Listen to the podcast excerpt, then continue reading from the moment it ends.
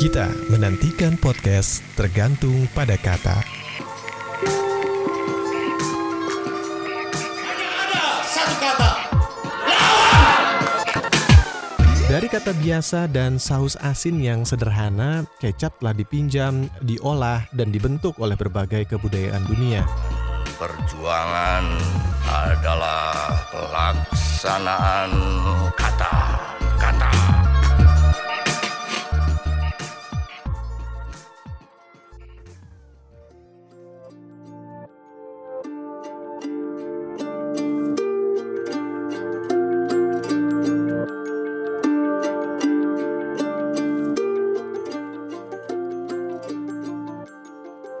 Kalau mau lihat bagaimana keragaman menghilang, mampirlah ke toko atau pasar modern.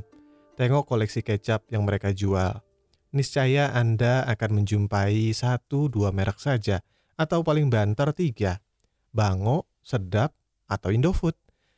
Tak mudah buat kita untuk menjumpai merek semacam ah, Benteng, Juhi, Lombok, Nasional, SH, Ikan Lele, Udang, Menjangan, dan lain-lain. Yang bertahan kebanyakan telah diakuisisi perusahaan-perusahaan besar, sementara yang kecil megap-megap penjualannya. Bertahan dengan mengandalkan jaringan kios-kios pasar tradisional atau kedai-kedai dan gerobak penjual makanan keliling. Menurut buku History of Soy Sauce yang ditulis oleh William Shurtleff dan Akiko Aoyagi, kata kecap dipercaya diserap dari kata Hokkien, kecap atau kicap atau kicap selambat-lambatnya pada abad ke-17. Uniknya, kata pinjaman itu kembali lagi dipinjam ke dalam bahasa Inggris menjadi ketchup pada abad ke-19 dengan tampilan fisik dan rasa yang berbeda. Ketchup dalam bahasa Inggris tadi kini hadir di 97% rumah tangga di Amerika dan bahkan jadi bahan wajib dalam menu barbecue. Ketchup dalam bahasa Inggris ini didefinisikan kamus Merriam-Webster sebagai seasoned pureed condiment usually made from tomatoes atau kira-kira berarti bubur beraroma yang telah dibumbui yang dibuat biasanya dari tomat. Apa? Ya, Anda tidak salah. Kecap terbuat dari tomat. Lantas bagaimana kecap yang kita kenal berasal dari kedelai bisa bernasib menjadi saus tomat merah? Berawal dari Cina, nenek moyang kecap dihasilkan dari ikan yang telah difermentasikan, yang digunakan sebagai bumbu dalam memasak. Rasanya sudah pasti asin, tapi bumbu inilah yang mengisi kapal-kapal layar Cina, diperdagangkan dan sampai ke Nusantara, paling telat pada abad ke-18. Rasa asin di dalam kecap purba ini mungkin saja tidak cocok dengan lidah orang Nusantara, Rasa asin di dalam kecap purba ini mungkin saja tidak cocok dengan lidah orang Nusantara. Lantas di tangan atau lebih tepatnya di lidah orang Nusantara, kecap segera dikombinasikan dengan rasa manis dan gula aren atau gula Jawa. Diberi aneka rempah seperti pekak, kayu manis, lengkuas, pala, kapulaga, kepahyang, dan bahan rahasia lainnya yang amat teguh dipegang pabrik-pabrik kecil dan menjadikan rasa sebuah kecap berbeda dari yang lain. Inilah inovasi yang amat khas Nusantara, tak dapat dijumpai di tempat lainnya. Keanekaragaman rasa yang diciptakan dari sebuah saus asin sederhana. Pada abad yang sama juga, para pedagang Inggris berjumpa benda dan kata kecap di Nusantara.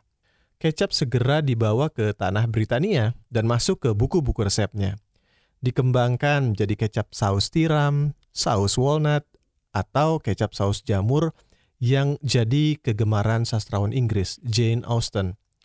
Sampai sekarang cita rasa Inggris ini masih kita dapati di Worcestershire sauce atau yang kita panggil dengan nama kecap Inggris. Kecap melanglang Samudra Atlantik dan sampai Amerika pada abad ke-19. Di tangan perusahaan bernama Heinz, Kecap khas Amerika itu menggunakan tomat, cuka yang telah disuling, gula, garam, dan aneka rempah, dan dijual dalam botol-botol beling. Ini adalah kali pertama beling digunakan saat itu. Inilah yang menjadi cikal bakal saus tomat alias tomato kecap yang terjual lebih dari setengah miliar botol setahunnya. Kecap tomat menawarkan kemudahan, kecepatan, kenyamanan, dan gampang dipadu-padankan. Karena itu dia mudah diterima dan jadi Amerika banget. Dari kata biasa dan saus asin yang sederhana, kecap telah dipinjam, diolah, dan dibentuk oleh berbagai kebudayaan dunia. Kecap telah dipertukarkan menjadi identitas bangsa-bangsa dan melahirkan keberagaman serta kekayaan cita rasa yang saat ini kita bisa nikmati dalam setakar piring saji. Semua hidup berdampingan, Kecap yang asin tetap bertahan, yang manis punya banyak penggemar, yang asam jadi kebanggaan. Podcast ini diproduksi oleh Pusat Penelitian Kemasyarakatan dan Budaya, Fakultas Ilmu Pengetahuan Budaya, Universitas Indonesia, dan didukung oleh Pusat Penelitian Kebijakan, Kementerian Pendidikan dan Kebudayaan, Republik Indonesia. Batu risau, batu pukau, batu kauku, batu sepi, batu ngilu, batu bisu, kaukah itu teka-teki yang tak menempati janji?